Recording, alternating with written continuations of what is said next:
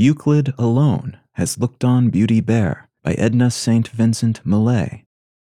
Euclid alone has looked on beauty bare. Let all who prate of beauty hold their peace, and lay them prone upon the earth, and cease to ponder on themselves, the while they stare at nothing, intricately drawn nowhere in shapes of shifting lineage. Let geese gabble and hiss, but heroes seek release from dusty bondage into luminous air. O blinding hour, O holy, terrible day, when first the shaft into his vision shone, of light anatomized, Euclid alone has looked on beauty bare.